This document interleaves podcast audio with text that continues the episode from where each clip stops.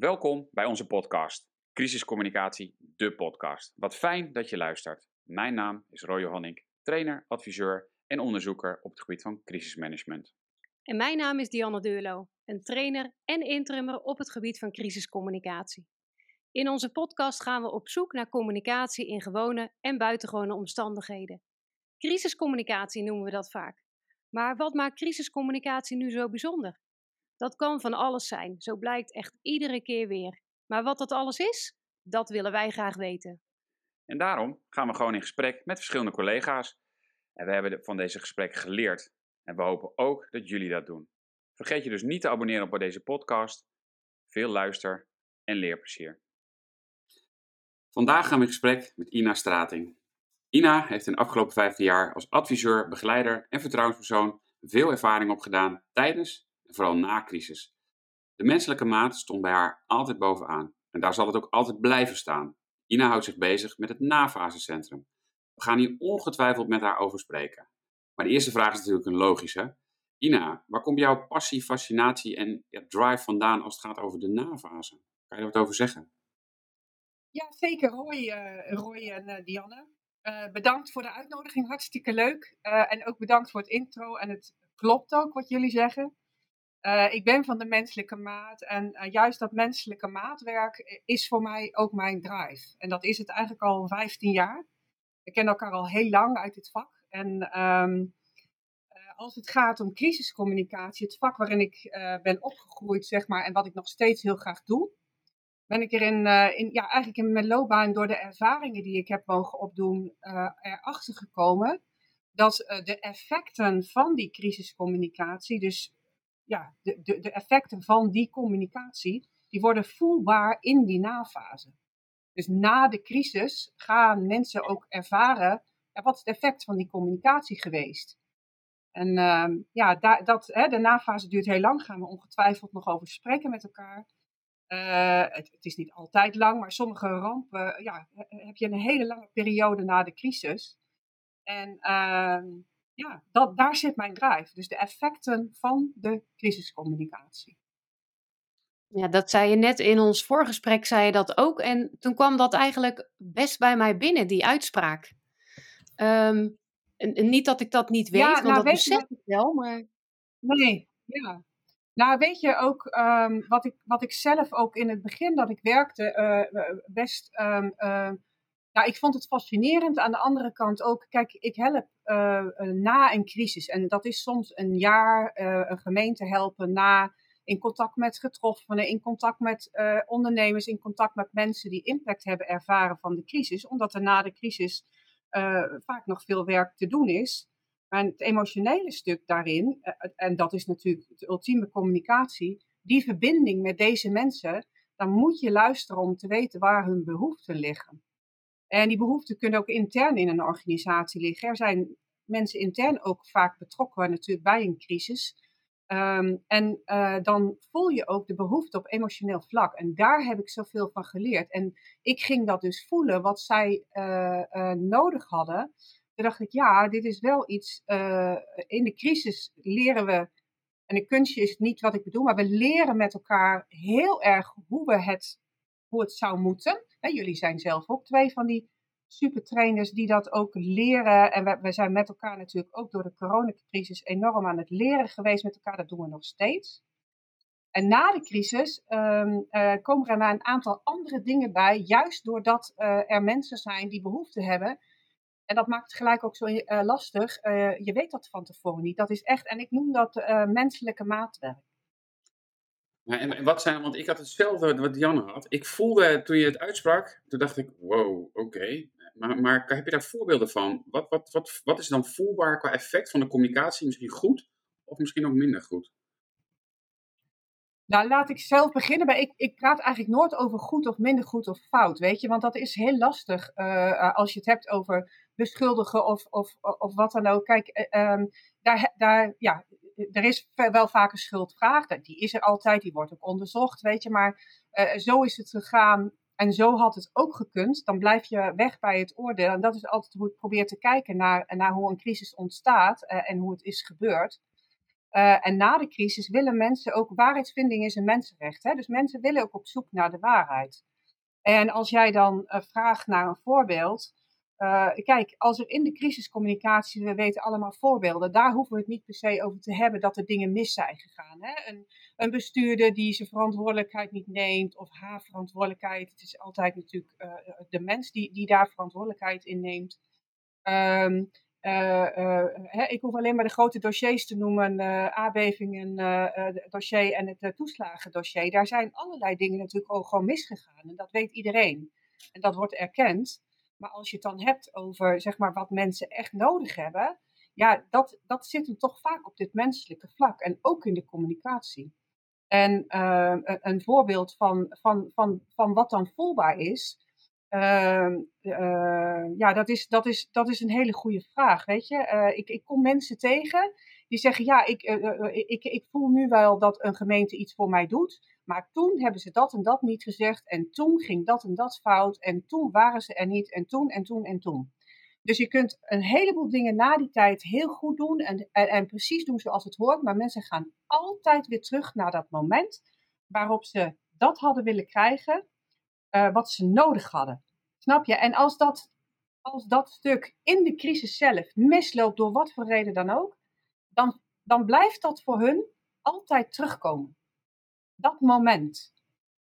En dat kun je niet meer repareren. Hè? Dus het is ook de kunst om na die tijd uit te leggen aan de mensen. Het is toen zo gegaan. En je zult er dus nu wel mee moeten dealen zelf, want dat moment haal je niet meer terug, snap je? En dat bedoel ik met voelbaar. Um, meelopen met die mensen, maar ook realistisch en eerlijk zijn. Juist die eerlijkheid, hè, dus transparant en eerlijk zijn over dat het toen anders had gekund. En daarover met elkaar in gesprek zijn. Ja, dat is wat ik wat ik het hele overheidssysteem, en met name overheid, maar ook organisaties gewoon gun, dat dat, dat, dat contact uh, er mag zijn. Die verbinding op een eerlijk niveau. En ik kan nog wel één voorbeeld noemen. Ik, ben, was een keer in een ziekenhuis en er waren een paar, uh, er was een arts en er was iets misgegaan met een patiënt. En die arts ging met die patiënt het verhaal vertellen over wat die arts beter had moeten doen uh, en dat verhaal, die lezing met deze twee mensen naast elkaar en de erkenning die die patiënt kreeg van die arts, die heel diep ging in zijn eigen um, zelfreflectie en ervan willen leren, dat vond ik zo ontzettend indrukwekkend. En dat bedoel ik met voelbaar. Um, je, kun, je kunt uh, met elkaar, zeg maar, op liefdevol niveau een volgende next level stap maken, als je dat wilt. En dat helpt, dat heelt. Ja, dus gaat het dan eigenlijk ook om eigenlijk opnieuw dat vertrouwen uh, herstellen, wat er, wat er misschien niet was? Ja, weet je, ik, uh, ja, nou, ik zit zo in elkaar. Uh, ik, ik, geloof in de positieve intentie van mensen. Weet je, als mensen het beter hadden kunnen doen, dan hadden ze dat wel gedaan. Hè? En, en soms gaan dingen gewoon zo. En vertrouwen uh, um, is, een, is een heel groot woord. Hè? En, en, en, wantrouwen, vertrouwen, dat zie je nu ook in coronatijd. Het is natuurlijk een heel grote thema's zijn dat. Maar als je het heel klein maakt, komt het daar in de essentie wel op neer, uh, wat je zegt, Janne. Dat klopt. Ja.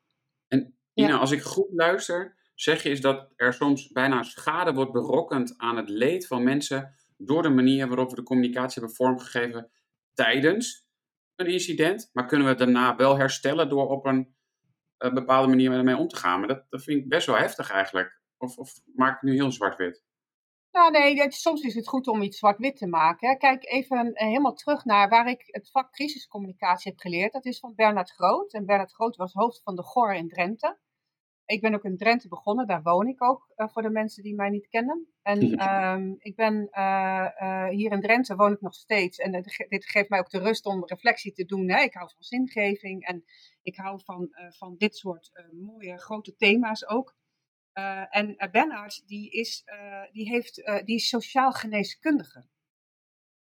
En een sociaal geneeskundige, dat, uh, dat is een studie. En dat zie je nu in coronatijd. Dat zijn de maatschappelijke uh, uh, artsen, bedrijfsartsen die bij de GGD werken. Dat zijn de mensen die op een hele andere manier, voor mij toen andere manier kijken naar de samenleving. Wat we met elkaar aan het doen zijn.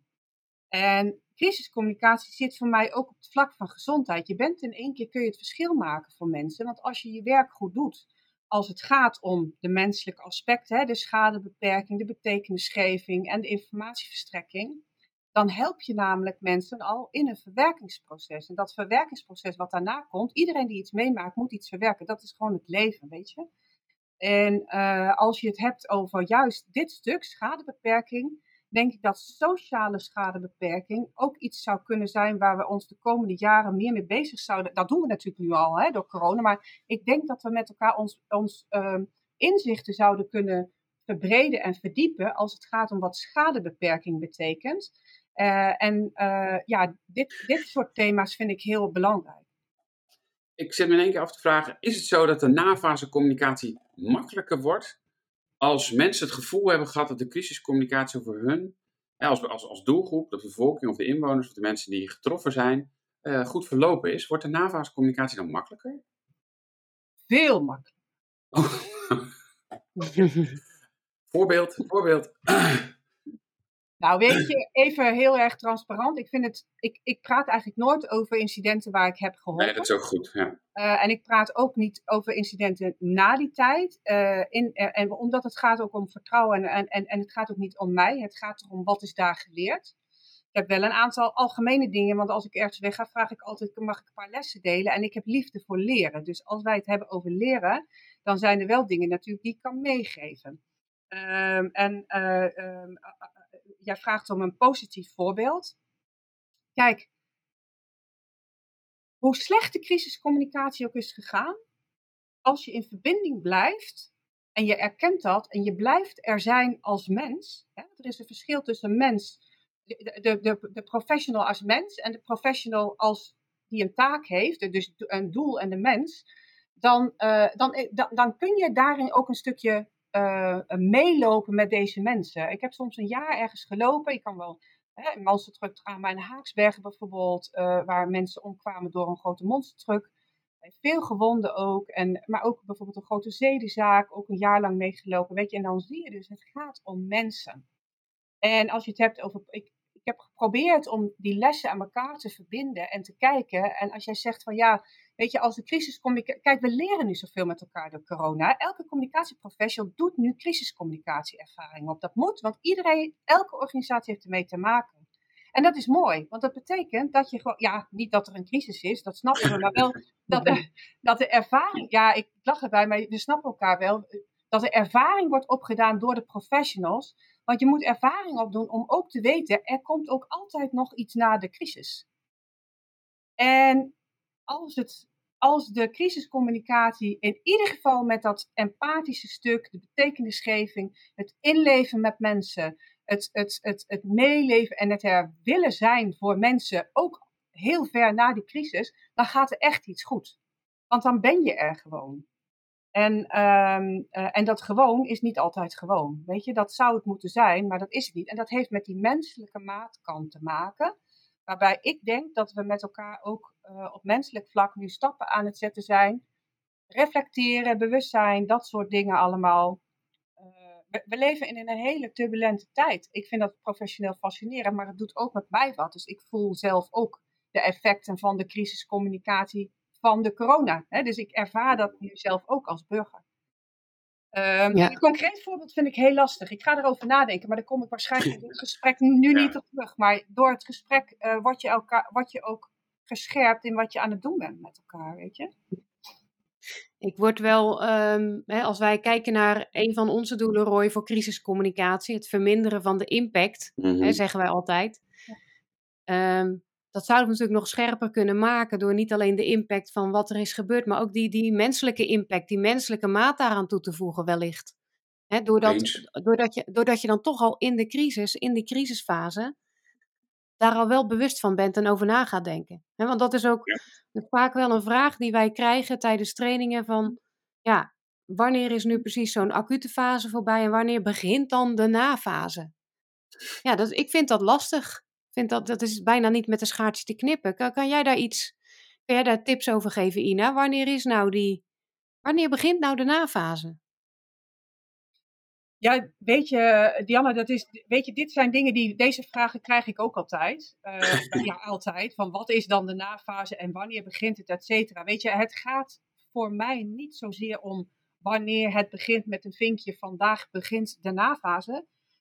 Als je, goed, uh, als je een voelen bent, en, en, en dan, dan voel je dat in je vingerspitsen. Hè? Dus het is echt een vingerspitsengevoel. Het zijn vaak bewegingen, golfbewegingen. Uh, het heeft um, enorm te maken met hoe, de, hoe, hoe groot de, de impact, emotionele impact ook is. En wat de feiten natuurlijk zijn. zijn. Kijk, één ding kan ik heel duidelijk zeggen.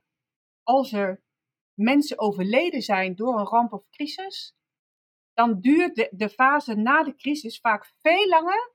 Voor de, overgang naar de nafase duurt, het komt dan vaak op een veel langere tijd dan, uh, dan dat er geen getroffenen zijn gevallen. Hè? Crisis is natuurlijk heel breed. We hebben allerlei soorten crisis. Uh, dus als er mensen bij betrokken zijn, en met name mensen die zijn overleden, krijg je een heel groot um, systeem waarin communicatie plaatsvindt. En dan begint de nafase vaak veel later. En dat heeft gewoon te maken met allerlei sociale aspecten. En um, uh, kijk, de, de, ik maak zelf even een heel uh, ja, klein stukje theorie. Hoe ik zelf kijk naar de nafase is, je hebt, je hebt de nafase, de periode na de crisis. Dat is, daar, daar heb je allerlei processen die gaan lopen als verantwoording, de rapportage, de contacten, de, de, hè, de, de, de schadeafhandelingen. Het, het hele systeem wat gaat om de processen. En nazorg gaat over hulp en steun aan mensen die iets hebben meegemaakt. Dus nazorg is een onderdeel van die nafase. En dat wordt wel door elkaar gehaald. En dat hebben we ook, uh, ja, dat, dat, dat gaan we echt uit elkaar splitsen. Want het zijn twee verschillende dingen. Maar alles wat in die nafase gebeurt, heeft natuurlijk impact op de mensen. Nazorg is echt een superbelangrijk onderdeel van. Dus, maar het is onderdeel van de periode na die crisis. Weet je hoe, hoe wij, want we zijn ook bezig uh, om een aantal dingen gewoon uh, voor onszelf op te schrijven, Dian en ik. En deze podcast is natuurlijk een onderdeel van. Hè, communicatie in gewone en in buitengewone omstandigheden. En ja. eigenlijk als je zegt, dan volgens mij bij dezelfde definitie. Bij, bij de, de definitie voor risicocommunicatie, incidentcommunicatie, CQ-crisiscommunicatie en NAVAS-communicatie, zeggen wij eigenlijk alleen dat de periode misschien het niet is, maar dat het eigenlijk gaat over uh, risicocommunicaties voor het incident. Incidentcommunicaties tijdens het incident. En de nafase is dat de organisatie die betrokken was bij het incident eigenlijk weer overgaat naar normaal. En, ja, en maar dat is het zo. En dat duurt heel lang, word ik gezegd. Ja, zo, ja maar zo, zo, zo zie Kijk, weet je, iemand vroeg mij ooit een keer: Ben je nou een nieuw vakgebied aan het ontwikkelen, Ina? Wat ben je aan het doen? En daar ben ik over na gaan denken. Ik zei: Nee, maar dat is helemaal niet wat het is. Waar het om gaat, is wat jij zegt, Gooi. Het is gewoon weer regulier. regulier. Maar in die organisatie die, die, die verantwoordelijk is voor alles, hè, dat is vaak als het maatschappelijke impact heeft, uh, een gemeente, die zijn wel verantwoordelijk ook voor die communicatie. En vergis je niet, na een flinke crisis heb je zo 2,5 tot 3, 3 dagen in de week werk. Hè? Als ik gevraagd word om te helpen, ben ik ja, soms 2 of 3 dagen, het ligt er een beetje aan hoe het verdeeld wordt. Maar heb je zo ontzettend veel communicatiewerk nog te doen, dat kan de gemeente Utrecht, dat kan de gemeente Al van der Rijn, dat kan de gemeente Haaksberg, dat kan, weet je, allerlei gemeenten kunnen dat bevestigen, omdat het gewoon veel werk is. Je hebt allemaal dingen die nog geregeld moeten worden, maar het gewone werk loopt gewoon door. En als je dan bijvoorbeeld kijkt naar uh, een gemeente Volendam en een gemeente Enschede, weet je, elk jaar of komen wel weer momenten uh, waar er toch weer iets uh, gebeurt rondom die ramp of crisis. En dat is gelukkig na een 10, 20 jaar gelukkig een stuk minder. Alleen het blijft wel ergens op de agenda staan, want het heeft enorme impact gehad. En op bepaalde mensen natuurlijk nog steeds heel erg. Dus daar rekening mee houden, ook op bestuurlijk niveau, dat het aandacht blijft vragen. Dat is al voor mij de eerste stap naar bewustwording rondom dit thema. Dus nafase communicatie is eigenlijk onderdeel van de corporate communicatie, zeg je? Klopt daar moet je ook helemaal verder niet uh, uh, uh, moeilijk over doen. Dus het is, zodra je in de nafase, zeg maar, als je overgaat naar een nafasestructuur, en ik adviseer eigenlijk altijd om daar een project van te maken, waarbij de communicatieadviseur onderdeel is van dat uh, projectteam, ehm, dan kun je het ook zo aanvliegen. Dus dat betekent ook, zeg maar, dat je een, een structuur hebt waarbinnen dat gebeurt.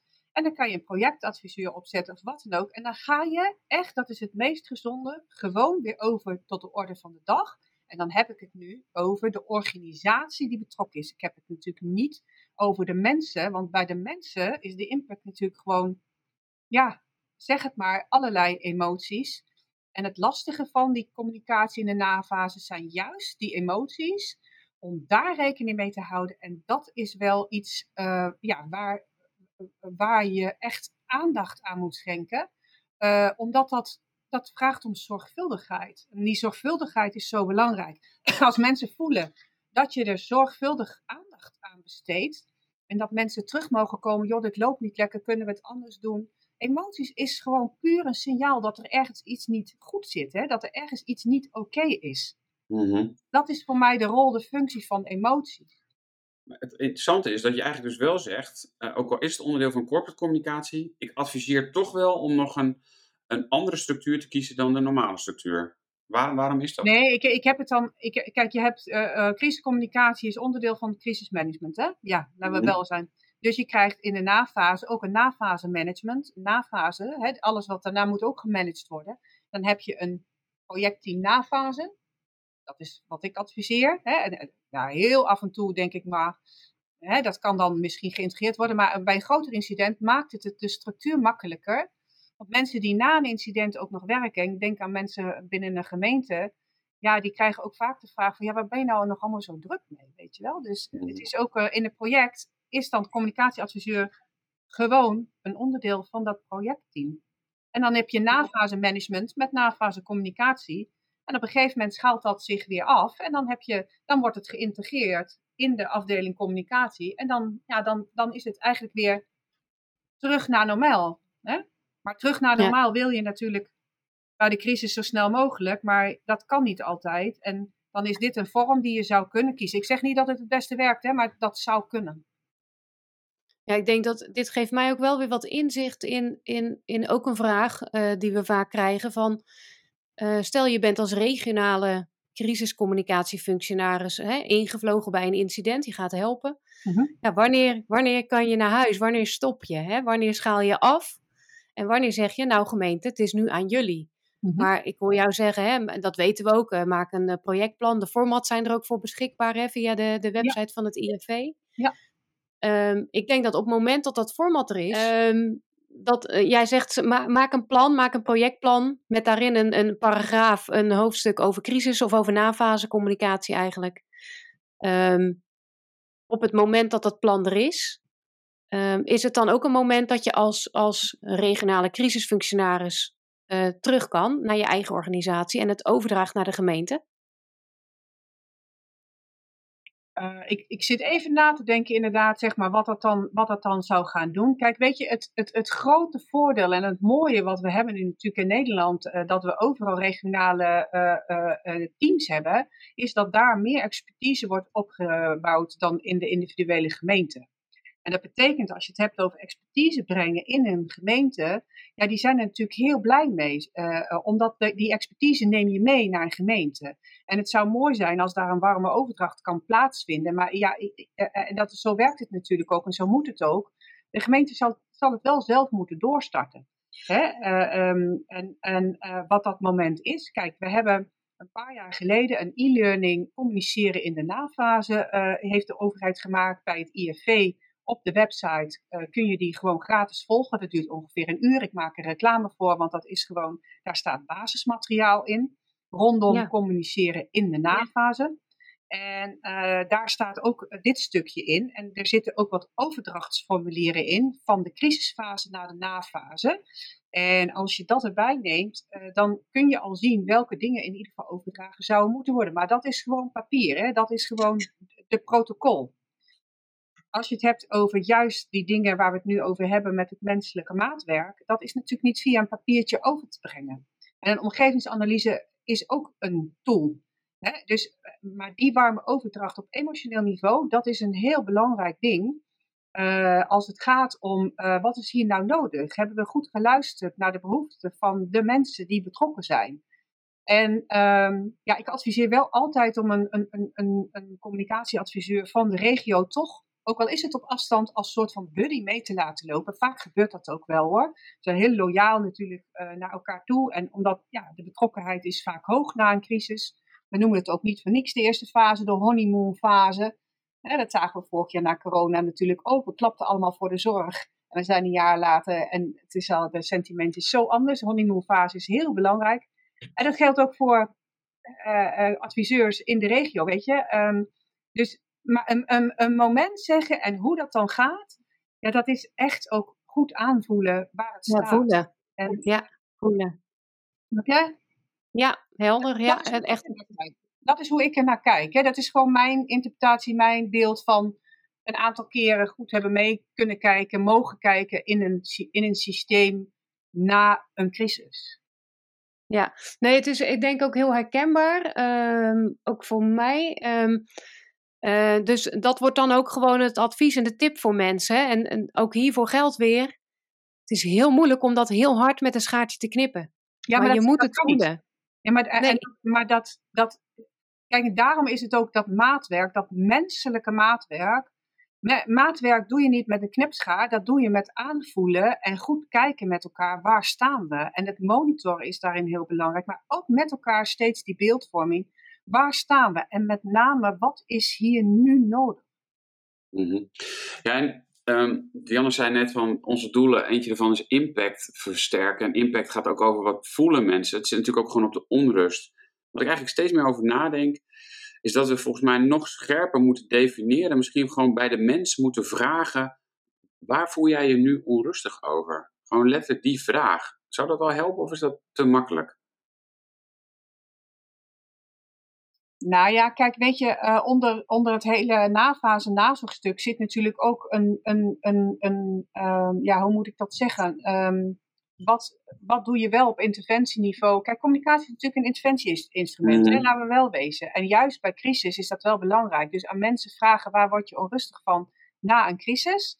Ja, dat, wordt, dat is niet uh, zeg maar de, de, de, de, de meeste adviseren weg als het gaat om psychotrauma. Hè? Dus hier liggen natuurlijk ook psychologische sociale aspecten onder. En als je dit zou vragen aan iemand die iets heeft meegemaakt, dan weet ik nu al, zeg maar, dat dat, dat, is, dat is niet een vraag die, ik, die je zomaar zou moeten stellen aan iemand die in iets heftige emoties zit, weet je. Mm. Eh, maar het is wel belangrijk om inderdaad op een gegeven moment aan te voelen van, joh, uh, hè, er komt een moment dat je deze vraag wel kan stellen. Maar stel hem niet direct als mensen in de emoties zitten, snap je? Want in de eerste periode, er zijn even, even gewoon ook weer een klein stukje theorie.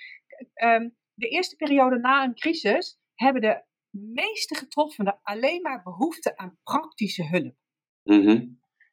Heel veel psychologen zijn allemaal beschikbaar, dus hartstikke fijn. Maar praktische hulp is het de hoogste behoefte eerst van heel veel mensen. Ik zeg niet van iedereen. Hè? En als je het hebt over de vier hoofdbehoeften van getroffenen, dat mensen iets hebben meegemaakt bij een crisis en echt uh, helemaal ja, uitgaan. Ook als wij iets mee, maar we gaan uit. Hè, emotioneel ga je dan uit en je kunt niet meer concentreren op informatie. Maar dat is wel informatie, rust, erkenning en toekomstperspectief. Dat is de lijn waarin ik altijd loop. Dus het begint bij informatie. En informatie is het allereerste wat mensen nodig hebben. Nou, dat is ons vak, zeg maar. Mhm. Eh, en als je dat aan de mensen geeft, als je het zelf niet kan bevatten door de emotie waar je in komt. Stel je kind komt te overlijden. Nou, ik hoop dat het ons niet uh, overkomt, maar wel de impact die dat heeft. Dan kun je, dan heb de, uh, stress versmalt. Hè? Dus er is zoveel stress, dan kan je hersenen dat niet aan. Maar je omgeving krijgt die informatie wel mee. Mhm. Dus die informatie is super belangrijk. Nou, en creëren om je emoties te verwerken. Dus als het gaat om. Um, ik kan één voorbeeld noemen. De, kerst komt eraan. Uh, ik was in een helpen bij een gemeente. En ik heb daar geadviseerd om in de kerstperiode en oud en nieuw gewoon tegen de mensen te zeggen die betrokken waren. In de kerstperiode hoort u niks van ons. Als er wel iets gemeld moet worden, dan doen we dat. En dat betekent dat je mensen dan rust gunt, dat ze weten er komt nu niks op ons af, maar is het nodig dat we wat horen, dan horen we dat van die gemeente. Nou, en ik weet achteraf dat mensen dat heel fijn hebben gevonden, want het kon ook in de planning. En uh, communiceren in nafase is echt zo strak plannen ook, want in deze social media uh, uh, 360 graden community tijd, hè, om het maar even hmm. zo te zeggen, moet je zo goed plannen, want anders dan is de boodschap al bij die mensen voordat je het zelf gebracht hebt. Hè. Hier zit een hele belangrijke kern van dit. Dus die rust is ook belangrijk. En als je het dan hebt over, ik zie dat je wil reageren, Roy. Ja, maar... ik vind het zo mooi. Ja, dus zie maar glimlach. Ja, dat vindt de rest niet. Even een verhaaltje afmaken. Dus rust, erkenning, nee, eh, informatie en rust hebben we het dan over gehad. Ik heb een voorbeeldje genoemd van gun mensen ook die rust. Ga begrenzen voor die mensen. Dan krijg je het erkennings, nou dat zit op uh, ritueel niveau, op, op, op, op een monument, op, op herdenkingsdagen, op aandacht. Op, op, hè, dat, is het hele zingevingsaspect als het gaat om mensen helpen. Maar wel vanuit een doe-het-zelf, ik help je basis. Dus wel sturen, blijven sturen op eigen regie. Vraag gewoon, hebben jullie behoefte aan een stille tocht? Hebben jullie behoefte aan een herdenkingsdag? Weet je, dus laat, laat de mensen bepalen uh, maar, maar neem hen mee in het proces. En het laatste is natuurlijk dat toekomstperspectief. En dat is nu bij corona natuurlijk ook super, super relevant. Waar gaat dit allemaal heen? Dat geldt voor ieder mens op dit moment maken, heeft te maken met corona. Wat doet dat met jou? En ga jij hier nog je leven verder leven als? En zo'n moment voor mensen is vaak ook, ja, je zal de eerste niet zijn die na die tijd iets heel anders gaat doen met je leven. Snap je? Dus het is een, niet dat de overheid of wie dan ook daar verantwoordelijk voor is, of een betrokken organisatie, maar dit is wel wat mensen nodig hebben. Dat zijn de vier hoofdbehoeften van getroffenen. Vier, oh, ik had rust, erkenning, perspectief bieden. Welke ben ik vergeten? Informatie, daar begint het mee.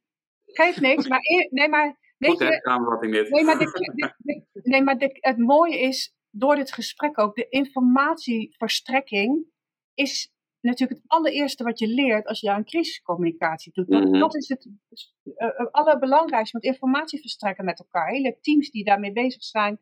Kijk nu naar VWS en de GOR en, de, en, de, en de, iedereen die allemaal echt belachelijk veel werk doet en nog steeds doet uh, rondom corona. Informatie verstrekken. Maar, maar Ina, dat doe je wel met één doel, die informatie verstrekken, namelijk rust creëren, toch? Dus, dus eigenlijk, eigenlijk is het, zijn het, misschien is het, en dat geldt ook voor erkennen, dat geldt ook voor perspectief bieden. Dus misschien is informatie wel datgene wat je moet doen om rust te geven, om, om te erkennen en om te kijken waar het perspectief zit. Ja, dus nee, maar zeker. Ja, dus ja, dat is heel belangrijk, zeg maar. Dus eh, waar het om gaat, is dat je de doelen van je crisiscommunicatie ook heel helder benoemt met elkaar. Want ik, in, de, in de zedenzaak waar ik bij betrokken ben geweest, en uh, dat, dat durf ik rustig te noemen, dat is bij de gemeente Amsterdam een jaar meegelopen met de adviseur van burgemeester Van der Laan, die toen nog leefde. Uh, van hem, van Bartel Boer, ik durf zijn naam rustig te, te zeggen. Hij uh, was heel strak en streng op uh, de, de doelen die gehaald moesten worden in de communicatie. En dat was rust voor de ouders en de betrokken mensen en dat ging, van, dat ging op alle lagen. Dat ging richting media.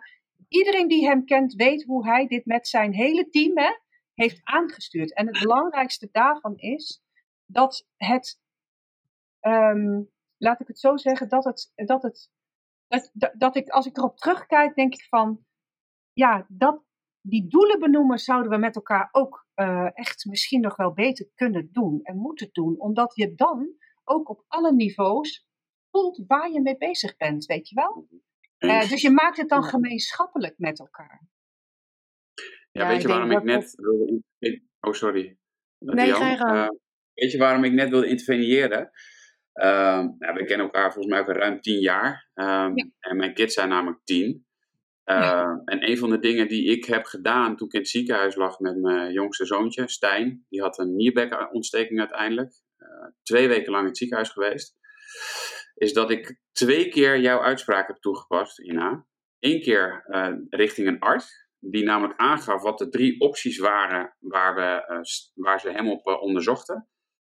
Um, en uiteindelijk was nierbekontsteking de, nou, de meest heftige, en dat had hij dus uiteindelijk. En toen zei ik tegen hem, ik zeg, vind het zo fijn dat u mij informeert op deze manier, want dat vermindert bij mij enorm de stress. En toen dacht ik, ah, mevrouw Strating, geïnformeerd wachten um, vermindert stress, vermindert de onrust die mensen altijd hebben bij een incident. En dat heb ik zelf ook gedaan.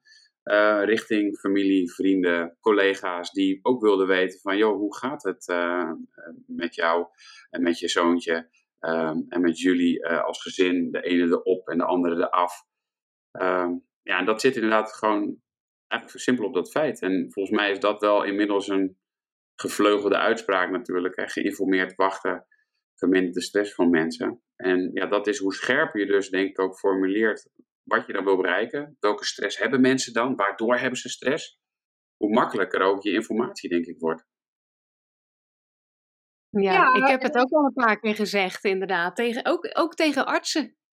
Ook, uh, ja, en mijn huisarts, maar ook een keer in het ziekenhuis. En gewoon deze uitspraak herhaald. En dan. Uh, ja, het lijkt zo, weet je wat het ook is? Even, even voor, voor, de, voor, voor de feiten. Ik ben niet de bedenker van uh, die zin. Uh, het komt uit de zorgwereld. En in Engeland werd dat ook al wel, uh, wel gebruikt. Maar geïnformeerd wachten geeft minder stress. Dat is echt zo als je het gaat voelen. En Roy, wat jij vertelt, bedankt voor delen. Dat is namelijk waar het om gaat.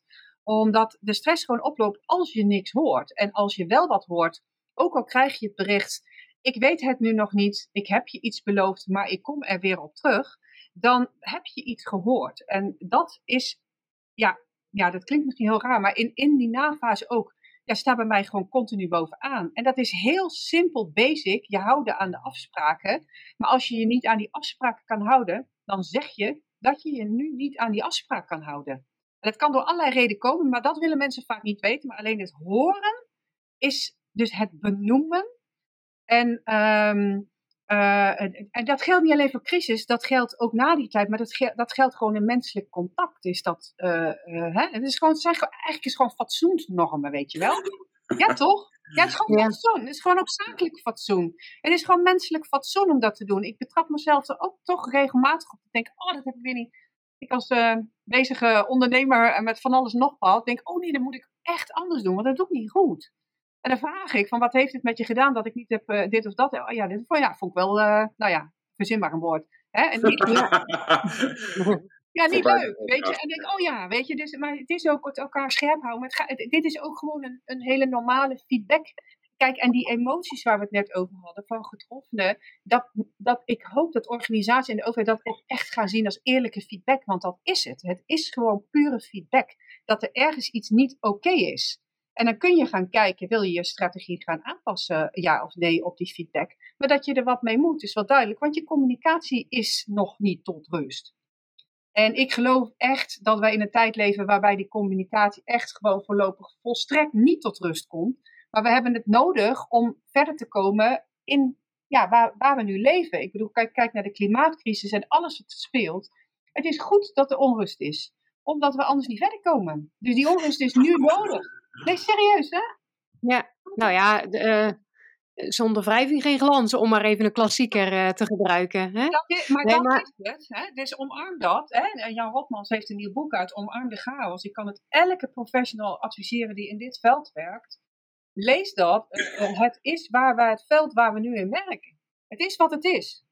Ja, ik wil nog heel even, want we zijn, we zijn ook al aardig aan de tijd, maar ik wil nog toch ook nog wel even benadrukken die doelen. Ehm, want dat blijkt ook zo een open deur, maar dat geeft zoveel profijt als je dat dus vanaf het begin doet, sturen op je doelen, die expliciet maken en daaraan vasthouden. en dat, we doen het te weinig, want we gaan eerst handelen. En ik zeg altijd, ja, eerst plannen, dan rennen. Maar we zijn geneigd om in een crisis gelijk aan de slag te gaan, terwijl even tijd nemen, wat willen we bereiken, bij wie? Ja. En dan je aanpak bepalen. Ja, en, en vaak gaat het gelijk op. Hè? En, en dat, dat moet ook, want je moet ook vaak gelijk handelen. Maar er kan altijd iemand even aan de zijkant gaan staan om dit toch even vijf bullets te, te, te maken in vijf minuten. Te zeggen, oké, dit is wat we willen bereiken. En wat heel, wat heel belangrijk is, dus in die doelen, is dat er ook altijd bij staat dat eigen regie van mensen, dus de sturen op eigen regie, de zelfredzaamheid van mensen, dat dat het uitgangspunt moet zijn. Weet je, dus doe het zelf, wij helpen je. Maar mensen moeten, je kunt niet het verdriet of het verlies van een ander overnemen. Dat, en dat begint, en dat bedoel ik met goede crisis, effectieve crisiscommunicatie. Dat moet in die crisis al duidelijk zijn dat mensen het zelf echt moeten gaan doen, maar dat de overheid of de organisatie die betrokken is helpt en hulpverlening helpen ja, hè, eh, crisiscommunicatieadviseurs uh, Ingrid van Nassau en ik zijn bezig met het opzetten van een nafasecentrum. Daarin gaan wij ervaringskennis delen. Daar gaan we komen in het nieuwe jaar graag uitgebreid op terug bij mensen die hier naar luisteren. Um, en dat gaat om dat je adviseurs crisiscommunicatie worden ook wel verbale hulpverleners noemen wij ze. Je bent namelijk in één keer onderdeel van een systeem die hulpverlening doet. Dus verbale hulpverleners, besef dat je met hele belangrijke dingen bezig bent waarin je het verschil kan maken. En het verschil maken uh, doe je niet door het naar jezelf toe te halen, wij lossen het wel voor je op. Maar dat doe je door mensen te helpen en hun te helpen hun eigen regie in handen te, te laten houden. Mensen moeten het echt zelf doen. En, ja, en dat doet mij denken aan een uitspraak die ik ooit heb geleerd uh, van uh, Job Groeneweg tijdens de MCDM, de Master of Crisis and Disaster Management. Die zei, lieve hulpverleners, en houd er rekening mee, u doet het per definitie nooit goed. En daarmee zei hij eigenlijk, ja. er zijn altijd mensen die de manier waarop je het gedaan hebt niet fijn vinden. En wat jij zegt eigenlijk van, erken dat ook en geniet ja. dan bijna van de feedback die je krijgt. Want daar word je zelf ook weer beter van. En voor nieuwe, uh, uh, voor als, als verbale hulpverlener, mooi woord, uh, kan je daar dan ook van leren. Nou, en, en dat is misschien ook wel een mooie afsluiter, hè? want we lopen ook naar het eind toe, heb ik begrepen. Kijk, um, na 15 jaar helpen op allerlei vlakken, uh, trainen, met jullie oplopen, echt gewoon. Uh, um, ik hou er altijd rekening mee, ik doe het nooit goed. Het is nooit goed genoeg. Mm. Maar ik heb voor mijzelf, voor mijzelf bepaald wanneer ik het als professional wel goed genoeg vind. En dat heeft daarmee, dan ga je jezelf ook begrenzen. En als je achteraf gaat twijfelen over je eigen inzet, ik doe altijd 60 is prettig, 70 is redelijk en 80 is prachtig. En voor mij is 80 het maximale. En dan heb je inderdaad echt de effectieve crisiscommunicatie te pakken. Maar we werken met mensen, het is menselijke maatwerk. En dit stuk heeft mij als professional veel rust gebracht om te, te durven werken in een crisis en mijn expertise te laten zien. En dan wil ik ook iedereen een uh, hart onder de riem steken die luistert hiernaar. Praat over wat je meemaakt, ook na die tijd. Zorg ook voor je eigen nazorg. Je mag en moet vragen om reflectie op je eigen functioneren en durf te praten over je eigen gevoelens en emoties. Want het doet wat. Het, we leven in zo'n transparante wereld met beelden en alles wat er is. Je mag moe zijn. Je mag uh, falen. Je mag uh, achteraf denken: ik heb het niet goed gedaan. Maar praat erover. En er zijn zoveel mensen die hiermee worstelen, et cetera. Ik gun jullie allemaal, zeg maar, dat we dat met elkaar veel meer gaan doen. En ik ga me ook hard maken de komende jaar voor een voor een botteam, een, bedrijfsopvangteam. Elke hulpverleningsdienst heeft dat. De gemeente Oranje Kolommen hebben dat niet, nog niet. En ik wil me samen met een aantal mensen hier echt hard voor maken. Uh, omdat het komt, zodat het regulier wordt dat ook communicatiemensen bij gemeenten of op andere plekken gewoon een nazorggesprek kunnen krijgen. Dat moeten we niet zo zwaar maken. Dat is gewoon reflectie op je eigen functioneren. Nou, daar, daar wil ik dan wel graag mee afsluiten. Want het is gewoon uh, uh, het verschil maken is zwaar. En als je in, in één keer je werk moet doen, dan, dan, dan doe, doe het maar eens. Hè? Dus uh, ja, dat, dat wil ik uh, iedereen eigenlijk wel graag meegeven. Hm. Nou, ik vind dat wel een hele mooie afronding, uh, Ina. Um, denk dat dat ook een steuntje in de rug kan zijn. Voor alle mensen die nu ook heel druk zijn met de communicatie rondom corona. Ja. Maar ja, wat vaker het gesprek aangaan met elkaar. Er, voor elkaar zijn. Um, en we horen graag uh, in de toekomst meer over het nafasecentrum. Nou, dat gaat absoluut gebeuren, want de plannen liggen helemaal klaar. Dus het is nog een, een uitrol richting januari, februari, samen met een aantal opleiders en, uh, en, en uh, betrokkenen van crisis en rampen zijn we flink aan het bouwen. En dat gaat in het eerste kwartaal zeker gebeuren. ja. Helemaal goed, dankjewel. Graag gedaan. Ik vond het leuk, leerzaam en interessant ook. Dus ja, Bedankt voor het luisteren. Wil je meer horen van onze zoektocht naar wat crisiscommunicatie zo bijzonder maakt? Vergeet je dan niet te abonneren op onze podcast. Tot een volgende keer. En delen, dat mag uiteraard.